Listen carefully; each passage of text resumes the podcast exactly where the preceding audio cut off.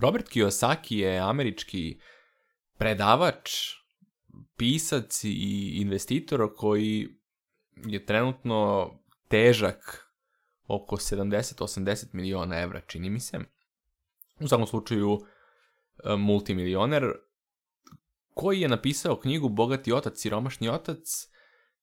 Ta knjiga je bila bestseller svetskih razmera, iz razloga što je ponudio jednu drugačiju perspektivu na svet i na funkcionisanje sistema u svetu. Dakle,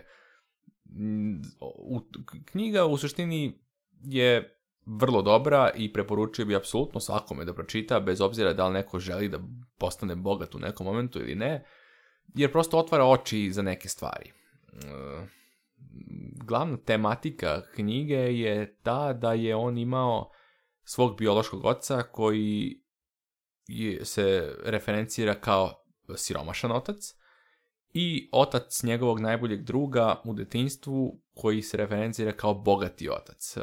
I sad, e, koja je razlika u, u, njih, u njima dvojici i šta, su, sva, šta, svaki, šta je svaki od njih njega učio? Dakle, njegov biološki otac koji je siromašni otac, zapravo u jednom momentu u životu fizički nije bio siromašan. Ali zašto ga on zove siromašan? E, to je otac koji je radio u... Uh, on mislim da je bio profesor. Sad već zaboravio sam tačno, ali sam čitao knjigu relativno skoro. Dakle, on je bio profesor na Havajima, pošto je on tamo živeo, i zarađivao je sasvim solidnu platu mesečnu.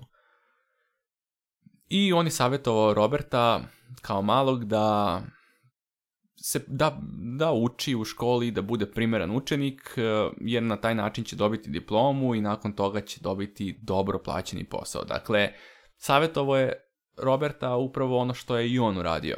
I on je mislio da to tako treba, prosto doš, on je dolazio iz tog nekog industrijskog perioda gdje je gde je prosto da bi čitav svet napredovao, takav sistem morao da postoji u tom momentu. I svi su uradili ceo život i zato smo mi sada ovdje u 21. veku da jesmo. Prosto ta industrializacija i industrijski bum koji se desio u 20. veku je promenio prilično e, svet na taj način da 21. vek izgleda neprepoznatljivo u odnosu na 20.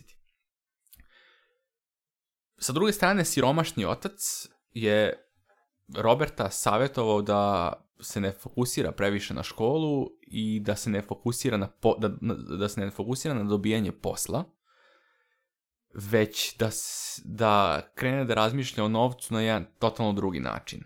Dakle, da ne radi za novac, nego da proba da nauči kako da novac radi za, za njega. Naravno, Robertu, kao i svakome, to intuitivno nije jasno kako kako se to dešava. E, I to je normalno, zato što nama čitav školski sistem je napravljen upravo tako da mi ne znamo, ne znamo mnogo o novcu, već da znamo određenu, određeno znanje, da, dakle, da dobijemo određeno znanje za konkretnu neku stvar i da prosto se time bavimo tokom cijelog života, dakle da služimo na taj način. Neko će da nauči dobru istoriju, pa će moći da predaje istoriju posle, neko će da postane dobar inženjer, pa će da se zaposli u firmi i da radi za platu tamo. I prosto, to je ono što nas školski sistem uči. Bogati otac je Roberta savjetovao, to nije, kako, e, nije dobro, međutim, on je u tom momentu bio siromašan. Dakle, bogati otac u knjizi, u periodu kada savjetuje Roberta o tome, je u suštini najzad bio siromašan. je u maloj kući koja je bila prilično onako ronula, ali i radio je mnogo ali e, razlika među njega i njegovog biološkog oca je bila ta što je on radio za sebe, dakle imao je e, svoj biznis, dok je siromašni otac radio, dakle, za vladu, prosto. To je za državu. Dakle, bio je profesor. I onda se u jednom momentu sve promenilo. Mm, biološki otac, odnosno siromašni otac, je dobio otkaz sa, a imao je određene dugovanja, tako da je upao u prilično ozbiljnu financijsku krizu, dok sa druge strane bogatom ocu je biznis procvetao i on je krenuo da akumulira prilično veliku količinu novca.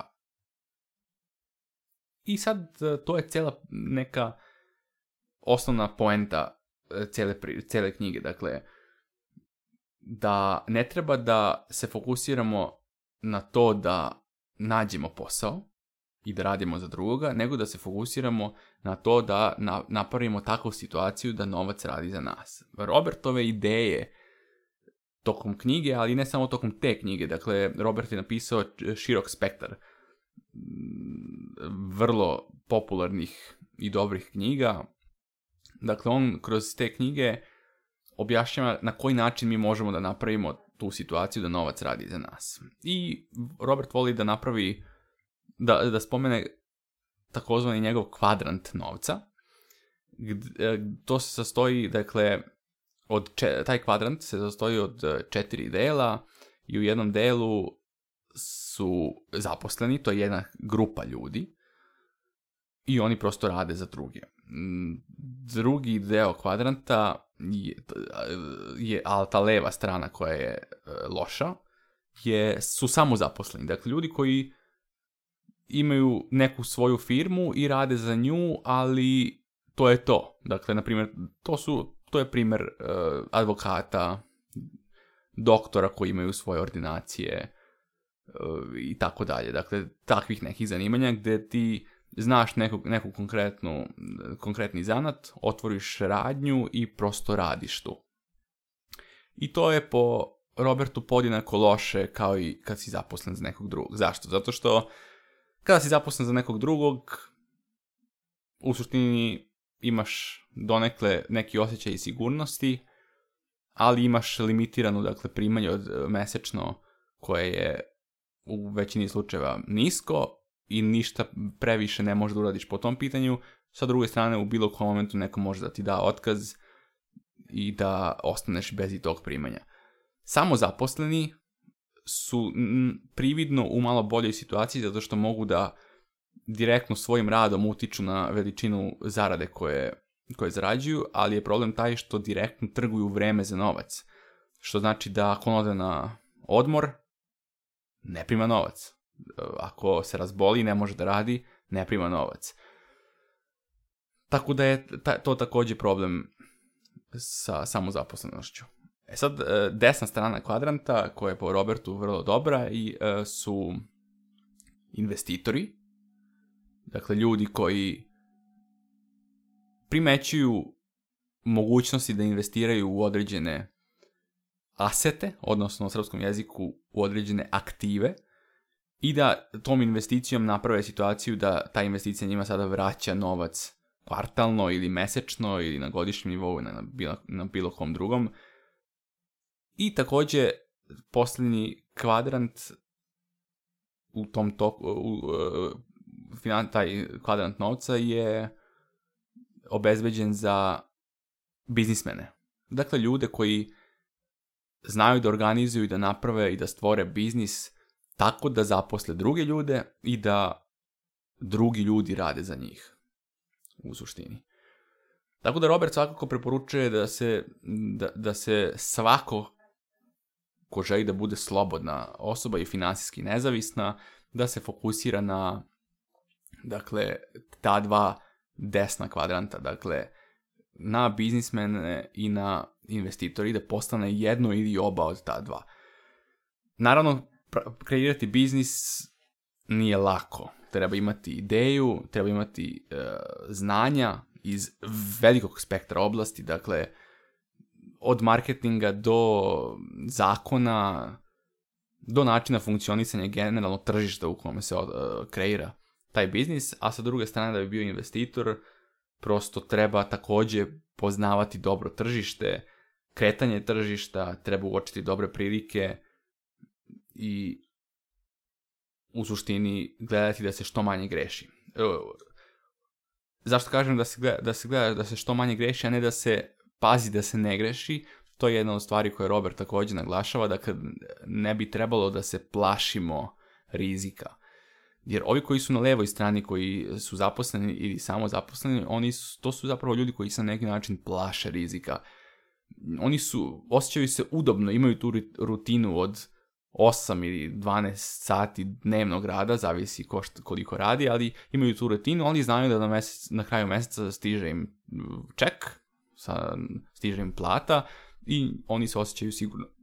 Posebno ako zaposleni imaju dobre beneficije kao što su privatno zdravstveno, 20 dana slobodnog odmora, mm, besplatne sokiće na poslu i tako dalje. Dakle, to je sve nešto što je ljudima primamljivo i ljudi se vrlo lako odluče da izaberu, da, da prosto nađu posao i, da se osjećaju sigurno. Dok sa druge strane, vlasnik te firme koja, je ga je zaposlila ne radi, on tokom dana e, ne mora da, da ode na posao i da bude 8 sati, zato što je prosto to njegova firma, možda organizuje sebi vreme i zarađuje, ukoliko vodi kvalitetno biznis, nenormalne količine novca u odnosu na običnog njegovog zaposlenog, dakle.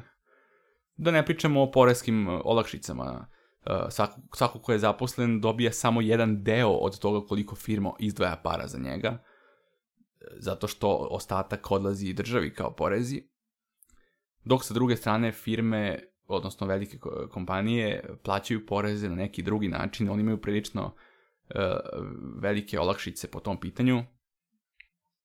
Iz razloga što svaka država olakš, želi da potpomogne takve ljude koji žele da uzmu i da naprave radna mesta prosto kreiranjem ozbiljne firme koja će zaposli nekoliko desetina ili stotina ljudi i da prosto kreira priliv.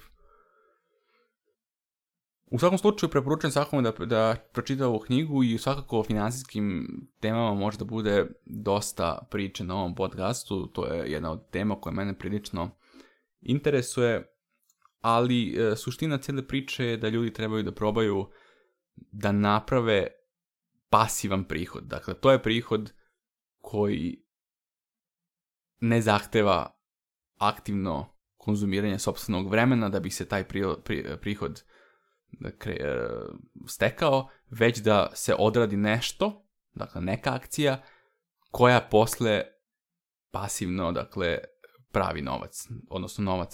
Da, da li će to biti neko, neko ulaganje, pa će onda deonice, za primjer ulaganje u firmu, čije će deonice kasnije porasti i samim tim napraviti pasivan prihod, dakle, ili je to kreiranje YouTube e, kanala koji će da krene da kreira određenu određene, određene, mada E, samo, sam YouTube nije, ne, ne bi mogao da spadne u pasivan prihod, zato što hm, u većini slučajeva prosto neko mora da konstantno pravi klipove za YouTube da bi da bi generisao ole e, novca, tako da to nije pasivan prihod, ali kreiranje nekih online kurseva, e, investiranje u nekretnine, to su sve jedna od načina da se napravi pasivan prihod i o, o svemu tome bi ljudi trebalo da razmišljaju.